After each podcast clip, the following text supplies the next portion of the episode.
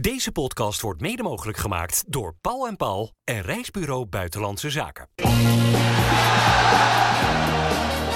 Dit is Rijnmond Sport, de podcast. Ja, goedenavond of uh, goedenacht of uh, goedemorgen of goedemiddag. Maakt allemaal niet uit. Fijn dat je luistert naar een, een nieuwe podcast Feyenoord die we opnemen. Nou, pak een beetje ruim een uur nadat er werd afgefloten in het uh, Metropolitano in de hoofdstad van Spanje in Madrid. Verloor Feyenoord met 3-2 van Atletico. En Dennis en Dennis waren er uiteraard bij in dat machtig mooie grote stadion, mannen. Bij een wedstrijd die Feyenoord echt niet had hoeven verliezen. Zeker niet. Uh, Feyenoord heeft kansen gehad, ook toen het op 3-2 eenmaal achter stond. We zullen straks die wedstrijd weer even chronologisch doorlopen, denk ik. Ja. Uh, kansen gehad om de 3-3 te maken, waarvan er sommige kansen bij zaten. Dat, dat hadden gewoon doelpunten moeten zijn. Oblak keept daar goed, uh, maar Stenks en Minte, om er twee van die kansen op te noemen... ja, die hadden ze toch wel mogen maken. Dus Feyenoord doet zichzelf tekort. En dat is jammer, want ja, ook nog een resultaat meenemen naast het goede spel... dat had natuurlijk echt een boost aan het vertrouwen gegeven. Ik heb jou ook echt nou ja, niet zo vaak zo hard horen balen op de radio als vandaag, Dennis Kranenburg. Ja, en dat komt omdat je zo'n wedstrijd speelt vandaag tegen een ploeg waarvan je weet dat het lastig wordt. Uh, wordt en dat Feyenoord dan alles goed doet in zo'n wedstrijd om uh, Atletico te verslaan. Ze liet alleen één ding na, doelpunt te maken. Rood, wit, bloed, zweet. Geen woorden maar daden. Alles over Feyenoord. Mannen, normaal nemen wij de, deze podcast natuurlijk op uh, met z'n drieën. Maar jullie hebben deze dagen in Madrid en zo ook in deze podcast een uh, derde Rijnmonder uh, in het midden. Dat is Frank Stout. Die, ik hoorde net al wat achtergrondgeluid, Frank. Ergens een gezellig plekje heeft opgezocht. Plaza Mayor, het grootste plein van Madrid dat over is genomen door Feyenoord de afgelopen twee dagen. Ja. En je, inderdaad, je hoorde ze net al, dus de supporters komen nu terug vanuit het stadio, stadion Wanda Metropolitano.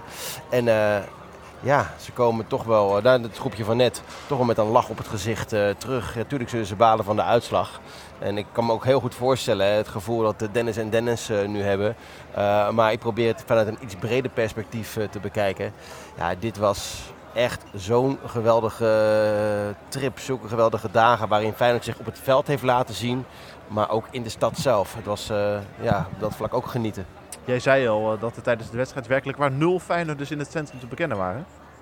Ja, heel weinig, heel weinig. Ik had een, uh, een kaart gekregen van een Feyenoord supporter. Nou, toen bleek dat die QR-code niet werkte. Had ik nog Oh. een kaart gekregen, werkte ook niet. Uh, toen dacht ik, weet je wat, ik moet nog een heel lang verhaal uh, gaan schrijven over de Feyenoord supporters. Daar ben ik mee bezig. Ben ik in de stad gaan kijken. Nee, er was niemand. Maar ik moet eerlijk zeggen, ook in die Ierse pubs waar gisteren heel veel Feyenoord supporters waren. Nou, er waren in totaal misschien 10, 15 man. Dus het, uh, het leefde niet zo erg. Maar veel belangrijker is in het, hoe het in het stadion Zo. wel leefde natuurlijk. En dat was geweldig. Het was uh, ja, ook eromheen was al fantastisch. Ja, weet je, uh, die wedstrijd in Tirana die ging ooit verloren. Deze wedstrijd ging ook ooit verloren. Maar die herinnering die pakt niemand ons ooit meer af natuurlijk. Nee, zo is het ook. Ja, Dennis, Dennis Frank refereert er al terecht aan die sfeer in dat stadion met die duizenden Feyenoorders. Nou ja, Ja. soms leek het wel alsof er tienduizenden Feyenoorders zaten. Ja. Hoe ze zich lieten horen. Ongelooflijk.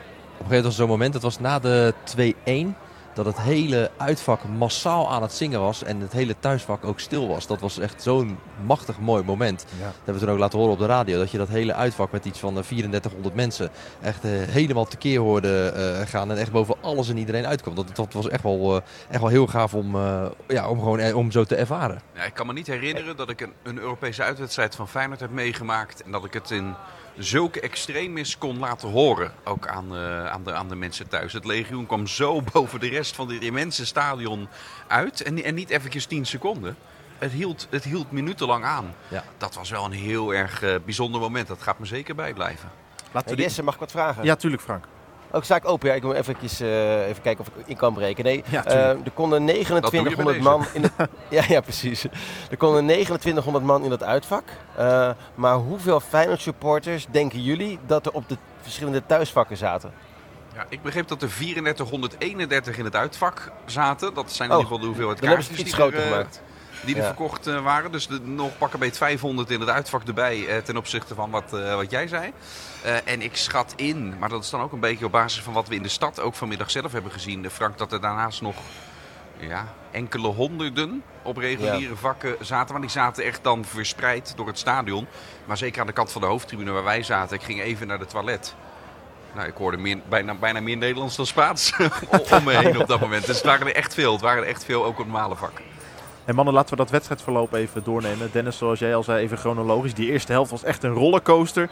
Natuurlijk, vroege voorsprong eh, voor Feyenoord. Ja, het leek even alsof Ueda maakte, maar eh, zo mooi was het helaas niet. Het was toch echt een eigen goal van, eh, van Hermoso. Ja, het is een cliché, maar hoe anders is deze wedstrijd als Griezmann niet in de laatste seconde van de blessuretijd van de eerste helft met een omhaal scoort? Ja, het is altijd een beetje, ja, wat als. Hè? Ja. Hij, ja, hij maakt hem wel. Eh, en dus, eh, ja, dus het, we hoeven daar eigenlijk helemaal niet bij stil te staan. Op dat moment, hè, Slot zei net ook bij de persconferentie, Zerouki had de taak gekregen om hem uit de wedstrijd eh, te houden. Nou, Zerouki heeft echt een dijk van een partij Zo. afgeleverd vanavond. Alleen, ja, op het moment dat die hoekschop genomen wordt, ja, staat Zerouki er niet bij. Omdat dat ook de afspraak niet is. Dan moeten andere mensen dat dan overnemen. Ja, het was ook een beetje een klutsituatie dat die bal weer omhoog schiet. En bij hem voor zijn voeten terechtkomt. Nou goed, en hij schiet er natuurlijk geweldig in. En dat is ook, zoals Slot het ook noemde, ja, het verschil dat je iemand hebt die eh, in het verleden wereldkampioen is geworden. Die dus ook gewoon zo'n wedstrijd weer om kan draaien. Ja, dat zijn ook de kwaliteiten van bijvoorbeeld zo'n Griezmann. Kijk, bij elk tegendoelpunt eh, kun je altijd de analyse erop loslaten. Daar worden fouten bij gemaakt. Hè? Ja. Dan zou dat doelpunt niet vallen. Dus dan ga je heel erg kritisch inzoomen. Ja, in het geval van die 2-2 van Griezmann. eh, als, het lukt Trauner net niet om die bal vol weg te maaien. Hij krijgt hem een beetje op de punt van zijn schoen. Ja, en hoe, hoe Griezmann hem daarna afmaakt is, is natuurlijk van grote klasse. Eh, maar daar zit het in. Dus als je op- bij dat doelpunt inzoomt, nou ja, bij de, eh, de eerste gelijkmaker, kijk je natuurlijk naar eh, de rol die Wiever daarbij heeft. Hè. Als hij er helemaal vanaf blijft, Ja. dan, dan is het sowieso buitenspel. Maar ja, het gaat in een split second dat hij zo'n besluit neemt. Ja, en je- doordat hij, dat, ja. doordat hij zijn been uitsteekt, dat is een nieuwe buitenspelregel. Of eigenlijk sinds vorig seizoen. Toen is me dat in eh Zeist uitgelegd door eh, Danny Makkely onder andere hoe dat werkt. Als een speler een bewuste beweging richting de bal maakt, zelfs al is het in een reflex, dan speelt hij bewust de bal en is er sprake van een nieuwe spelsituatie. En daardoor eh, heft het enige vorm van buitenspel dus, dus op. Dus volgens de regels klopt het hoe eh Wrang dat ook voelt. Ja, maar dat is toch krankzinnig. Want, want je kan toch niet van Wiever verwachten dat hij binnen een split second bedenkt... Oh, het is vast buitenspel, die gozer achter me, dus ik raak deze bal niet aan. Nee, natuurlijk raak je die bal wel aan, want dat, is, dat, dat zit in zijn instinct. Dat doet Mats Wiever. Nee, Dus dat is Maar- toch een, bi- een bizarre regel, als je hem zo klopt. uitlegt. Maar je kan, ook, je kan ook doelpunten terughalen uit het verleden. Want die regel is met een reden aangepast. Vanwege een goal ooit in de Nations League, volgens mij bij Frankrijk-Engeland. Van enkele jaren geleden. Waarbij er zo'n soort eh, situatie was dat je denkt, ja, dit is overduidelijk. eh, dat hier een ander besluit genomen had moeten worden. Toen hebben ze deze regel weer op deze manier aangepast. Van ja, er is gewoon sprake van een nieuwe situatie eh, daarna. Het is bijna een soort terugspeelbal.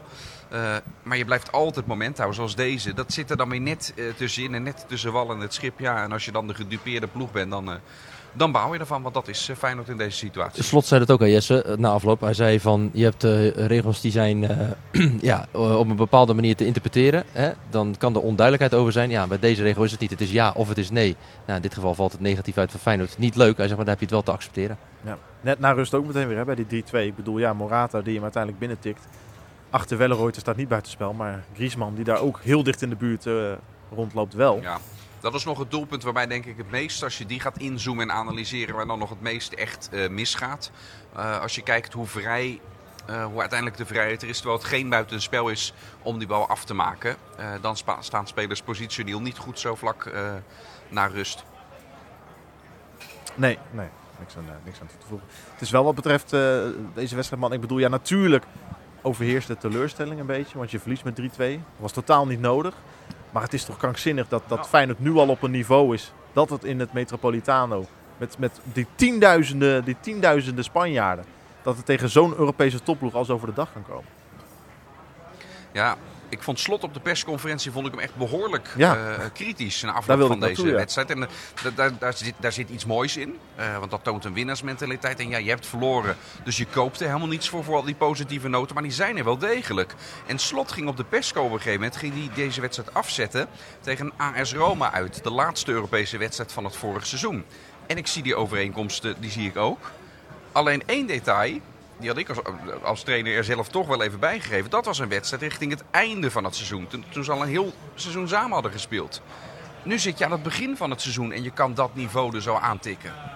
Ja. Dat is een verkapt, een heel erg groot compliment. Als je het verschil... Eigenlijk moet je deze wedstrijd vergelijken met Lazio Ja, uit aan precies, het begin precies. van het vorige seizoen. Nou, dat Nou, verschil dan, is eh, gigantisch. Dan is het een wereld van verschil. ja. Hey, Jesse, het is ook als je je uitspeelt, over een, eh, Ja? Oh, sorry Dennis. Ja, nou ja, kijk, ik, eh, ik zat uiteraard te luisteren. Jesse heeft het over een Europese topclub. Ehm, mag ik daar wel een kanttekening bij plaatsen. Het is misschien wel de beste in de pool, maar dit is geen Europese top. Hè. Echte top top is eh, Manchester City, eh, Real, Zit er, net, Bayern. zit er net onder. Ja, dat is net onder, hè.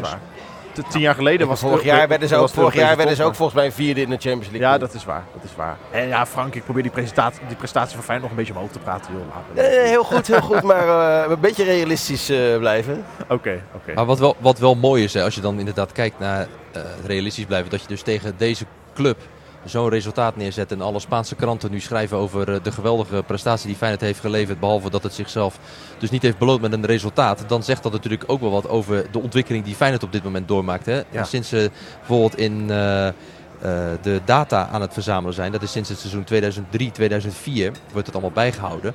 Door Opta onder andere.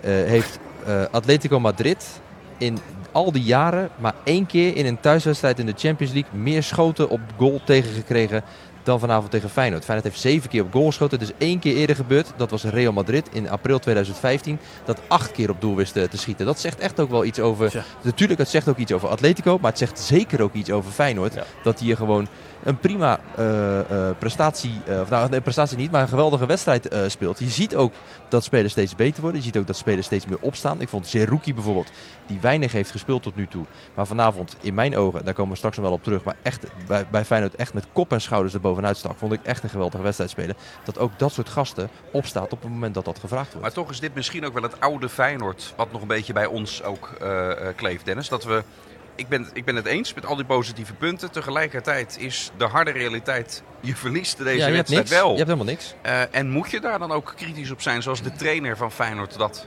eh, zelf, eh, zelf ook is? Ja, Want dat is dan toch ook een stap die je top. dan inderdaad zet. Dat je hier verliest met 3-2. Geweldige wedstrijd speelt, met lege handen staat. En dan zegt, ja, leuk dat we hier goed spelen. Maar we kopen er uiteindelijk geen reet voor. De Feyenoorder van de week. Jij refereerde net al even aan eh, Dennis Kranenburg. We dopen de Feyenoorder van de week weer eh, alsof, het niks, eh, alsof het geen moeite kost om naar eh Feyenoorder van deze woensdagavond.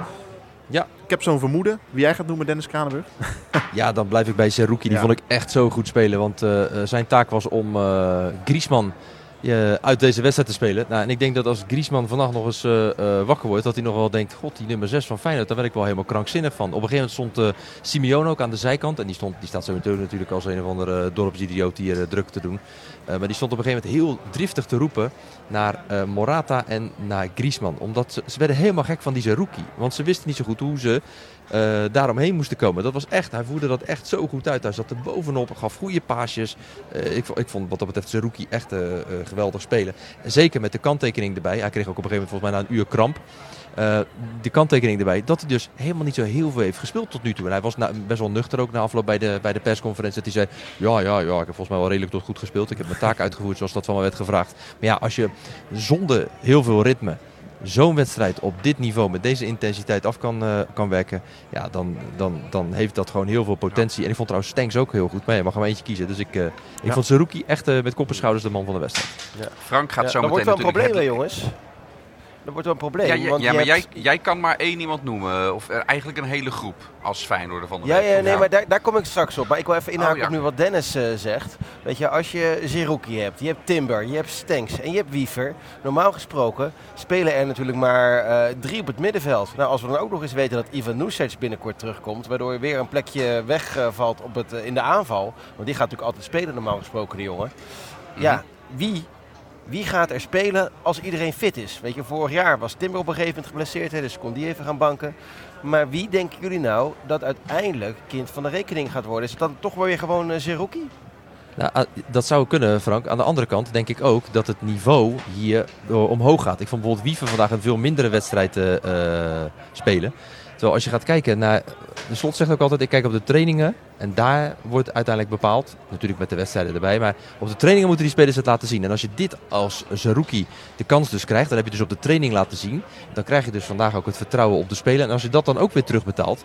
Ja, dan gaat bij die andere gasten ook steeds de lat verder omhoog. Dus de concurrentie, en dat is het fijne. Want dat is in het verleden natuurlijk ook niet altijd zo geweest bij Feyenoord. Dat de concurrentie eh, moordend was op, eh, op de posities. Ja, dat is nu wel. Je kan eigenlijk gewoon niet verslappen. Ehm, en denk ik, ik denk uiteindelijk dat eh, komend weekend Slot gewoon weer vast gaat houden aan eh, hoe hij daarvoor speelt. Want hij is niet zo heel erg van het wisselen met zijn, eh, met zijn basiself. Maar ja, als nu Zerouki zo nadrukkelijk op de deur klopt. Maar ja, dan vind ik daar ook wel wat van. Hij heeft vorig seizoen altijd eh, gehad. Toen had je eigenlijk ook vier man op dat middenveld, hè, Frank? Met, met, met Wiever en Kuksu en Timber en Simanski. Ja, daar was er altijd wel iemand geblesseerd. Eh, nu zijn ze alle vier fit die hij daar als optie gebruikt. Eh, ik denk dat uiteindelijk dat hij het laat staan zoals het eh, staat. Dus dat Seruki gewoon weer op de bank gaat, eh, gaat plaatsnemen. Ook als Ivan Oestet straks terug is en Pashao dan naar rechts gaat, dan gaat Minte weer eh, eh, ook op de bank. Ja. Jouw Feyenoorder van eh, deze dagen in Madrid, Dennis van Eersel. Ja, dan pik ik bij, bij deze wedstrijd hebben we één eh, man nog niet genoemd. eh, eh, die ik echt ook weer heel goed vond spelen. En die speelt helemaal nog niet zo lang bij Feyenoord. Dat is Quilincy Hartman. Ja. Weet je, als de druk was op het middenveld en, en ze kwamen er toch eventjes daar niet uit. Je kan altijd de bal naar Hartman spelen. En die geeft hem daarna weer naar de juiste kleur. Die raakt hem niet kwijt. Ook niet als er twee man druk op hem aan het zetten zijn. Dan haalt hij er weer een inworp uit. Dus het is misschien wat minder zichtbaar. Maar wat een stappen is die aan het zetten. En ik, ik kom al bijna op het punt wat ik ergens in deze fase van het seizoen vorig jaar voor Kuksu zei. Maar ik, Ja, nu ja, al? ik, durf, ik durf hem gewoon nu al te callen op eh, 4 oktober. Eh, dit gaat het laatste seizoen zijn van Quilincy Hartman bij Feyenoord. Als hij zich zo blijft doorontwikkelen zoals hij eh, zoals die doet. En we hebben nog wat maanden te gaan in dit seizoen. Die, eh, dat gaat de volgende toptransfer voor Feyenoord Maar als er dan Die mensen inderdaad hun laatste seizoen aan bezig zijn, als je het daarover gaat hebben, dan, wil ik, dan kan je Hansko daar ook wel eh, eh, in dat rijtje gaan zetten. Want die was ook vandaag ook gewoon weer geweldig. Hè. Haalt op een gegeven moment een bal van de lijn af die uiteindelijk wel afgekeurd had eh, geweest. eh, omdat het buitenspel was. Maar die speelde ook gewoon weer een zo'n goede wedstrijd. Dat vind, ik, dat vind ik misschien wel, qua, van dit seizoen, misschien wel de meest constante Ja. van allemaal. Maar Hartman ook. We zaten vanmorgen de Spaanse krantjes eh, te lezen. hè, Met, eh, met Frank erbij, ook met een, met een kopje koffie. Welke wordt door de Spaanse media, welke spelers worden er uitgelicht? Ook daar wordt Hartman en dan bij genoemd. Hè. Met die, die Jiménez. blijft 90 minuten Ja. blijft hij gaan. Wat zijn dus alsof hij geen, geen, geen geen melkverzuring heeft. melkverzuring Die, die blijft doorgaan. Een hele goede linker. Die, eh, dat is mijn Feyenoorder van de week. Ik vond hem echt weer goed vandaag. Krankzinnig hoe het dan kan gaan met de carrière. Bijna uitgeleid aan Excelsior en opeens, opeens Ja. eh, volgens Dennis van Eersel, en die nemen we natuurlijk uitermate serieus, opeens niet meer houdbaar bijna.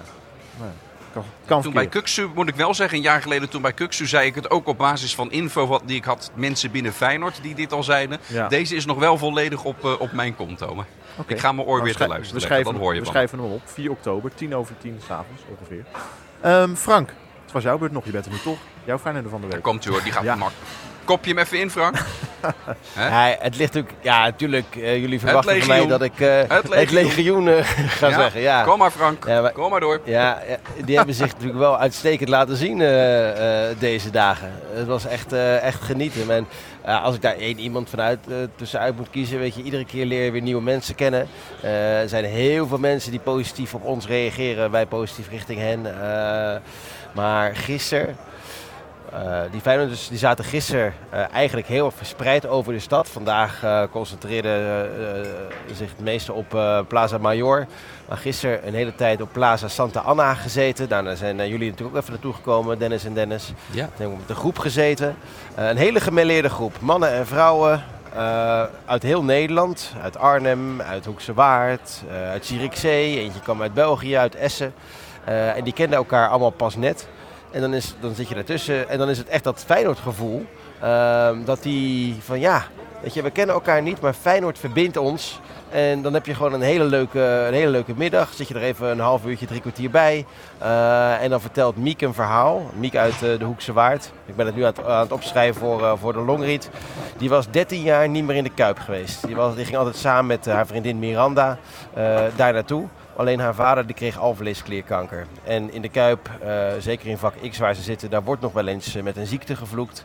Met die specifieke eh, ziekte. En ze kon het niet meer aan.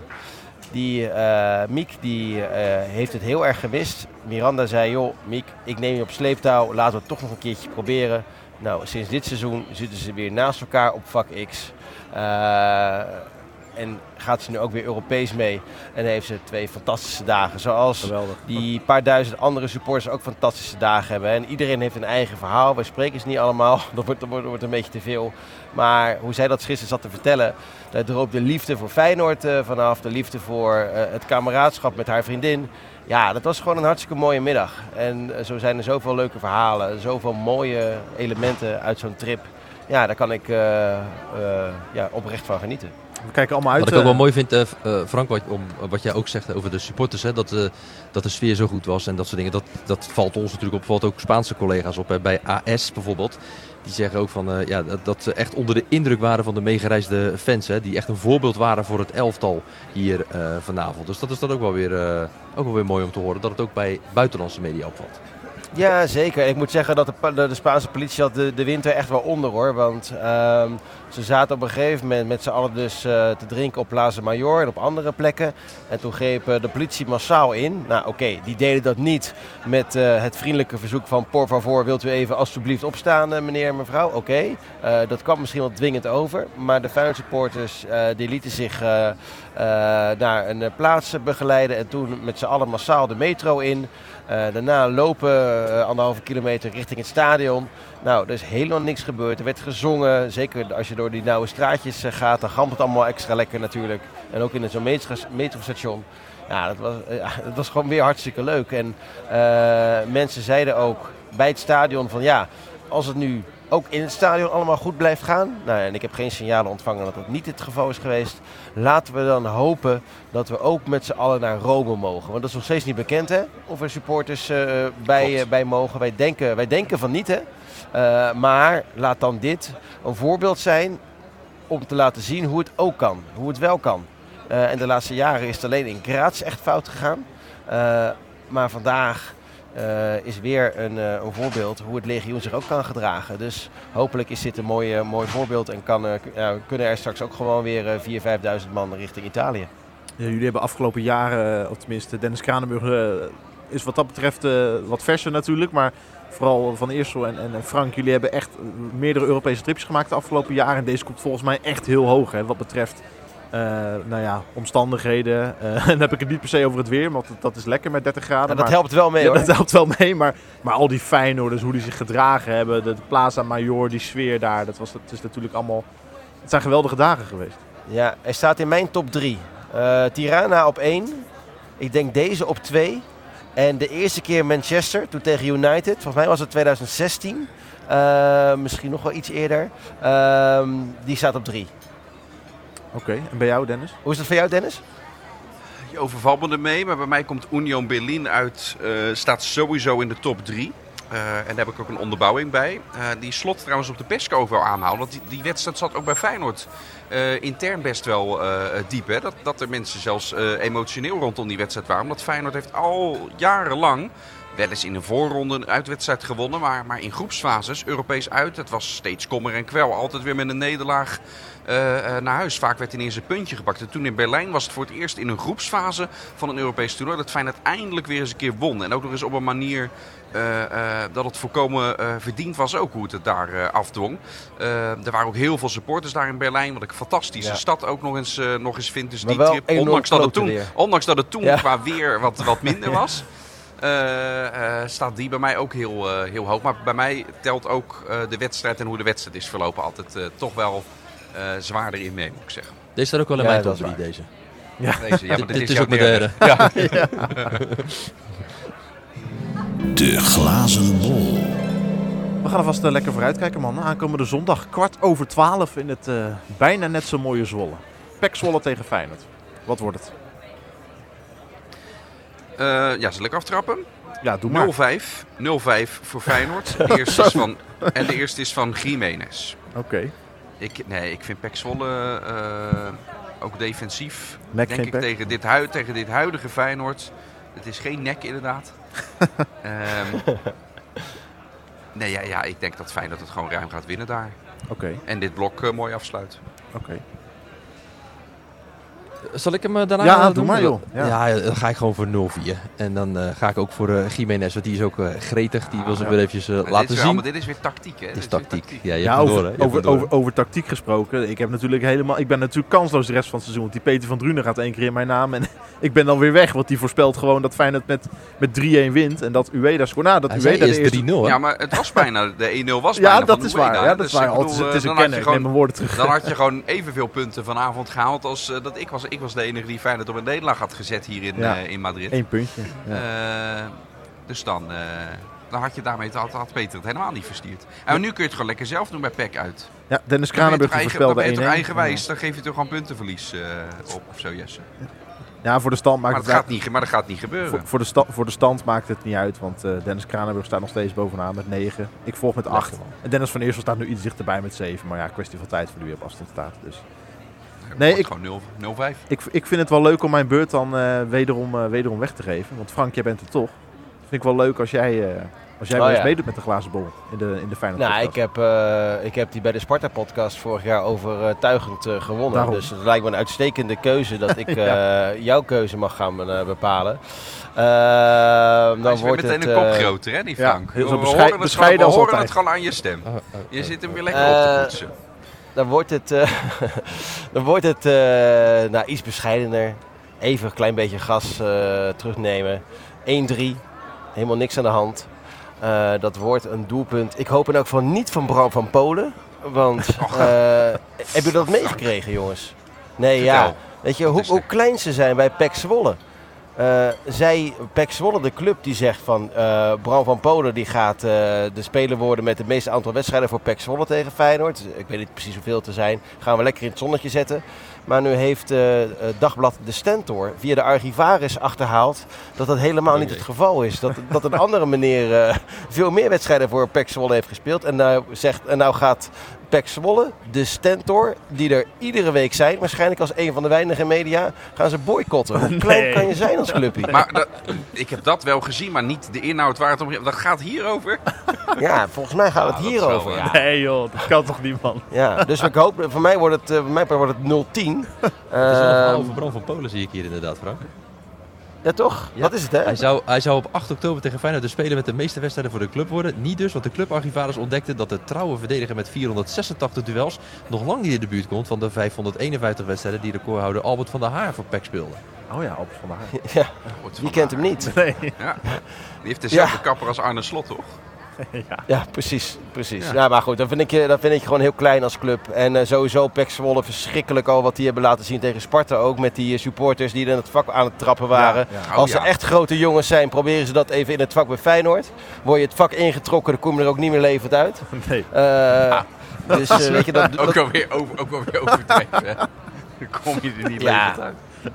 Nee, maar weet je, doe dat eh, weet je, heel stoer dat wel tegen Sparta doen en, eh, en niet eh, tegen een grotere, gro- grotere club. Dus weet je, ik, ik heb helemaal geen zin om. Ik wilde 1-3 zeggen, eh, maar dan wordt het gewoon 0-3. Dat heb je ook al gezet, dat die staat doelpuntje- Nee, nee, nee, die halen we weg. Eh, Oh. Bij deze 0-3. Eh, jullie hebben twee keer Jiménez. Maar dan zeg je toch eigen goal Bram van Polen? Ja, een eigen goal. En dan- en dan maar ik- maar dat vind ik niet. Ja, precies, precies. Oké. Een eigen Hey goal. Frank, Frank, ik zit al Ja. te kijken inderdaad. Hè, dat ze hebben nu eh, de eh, verzoeken voor grote interviews kunnen ze voorlopig vergeten. Volgens de mediaafdeling van PEC zouden de spelers daar geen goed gevoel bij hebben. Nou, daar geloven ze Ja. natuurlijk bij de Stentor helemaal niks van. Ze mogen na afloop nog wel spelers spreken na afloop van wedstrijden. Maar daarvan heeft de krant gezegd, nou dat hoeft niet. Daar bedanken we vriendelijk voor. Nee, heel goed. To be continued. Lijkt me logisch, ja. Nou. Oké man, dat wat betreft aankomende zondag. Jullie vliegen morgen gedrieën eh, lekker terug naar eh, Rotterdam, neem ik aan. Ja. Ja, 10 uur. Dat is wel Dan, de eh, ja, 10 uur vliegen we terug. Rijtje 26 in het vliegtuig zitten we. En dan, eh, Zitten we nu naast weer, elkaar? eh, ja, we zitten naast elkaar. Oh, gezellig. Ah, lekker. Ik weet, gezellig. ja, ik, weet, ik weet nog niet of dat nou gezellig en een voordeel is. Wat heb jij vanavond gegeten, Frank? Oh ja. Eh, ik ben bij die, eh, bij, vanmiddag. nee, nee, nee, ik- ben even weer bij die slagerij geweest, die gisteren ook om 12 uur nog open was. Even een broodje ham eh, gehaald. Gewoon heel bescheiden. Zoals we je kennen. Ja. Ja, zoals we je Ja. kennen inderdaad, ja. ja. Ga, je dan, ga, je, het. ga je dan in het vliegtuig ook aan, dat, eh, aan die prachtige Longreach werken nog, Frank? Wanneer kunnen we die Ja. onder, überhaupt online verwachten? Eh, hopelijk morgenavond. Oké. Eh, dus eh, ja, ik, ik ben ermee bezig. Ik, eh, ik zit nu halverwege. Oké. Als jij hem niet langer ophoudt, Jesse, dan eh, plaatsen we morgen aan. Oké. Subtiele hint dit. Ja, Subtiele hint. Of De je gewoon even af wil de ronden. mannen willen naar bed. Oké. nou, dan zeg ik eh, buenas noches. Nou, het, het licht is al uitgedaan hier. Het is geen grap. De helft is het licht al Oh, uitgedaan. in de... al dat- ik denk ik kwam al Ja, vanuit, maar en dat, hier dat op Plaza Major wordt het Ja. steeds drukker en drukker. Er Ja. komen ook heel veel Feyenoord supporters eh, aan. Dus eh Nou. het kan nog wel eens een lange avond eh, gaan worden. Nou, neem nog een cerveza. Ik zou zeggen, goede vlucht morgen. En eh, wat, eh, wat jou betreft, dank voor het luisteren naar deze podcast Feyenoord. En eh, tot zondag. Dit was Rijnmond Sport, de podcast. Meer sportnieuws op Rijnmond.nl en de Rijnmond app. Deze podcast werd mede mogelijk gemaakt door Paul en Paul en Reisbureau Buitenlandse Zaken.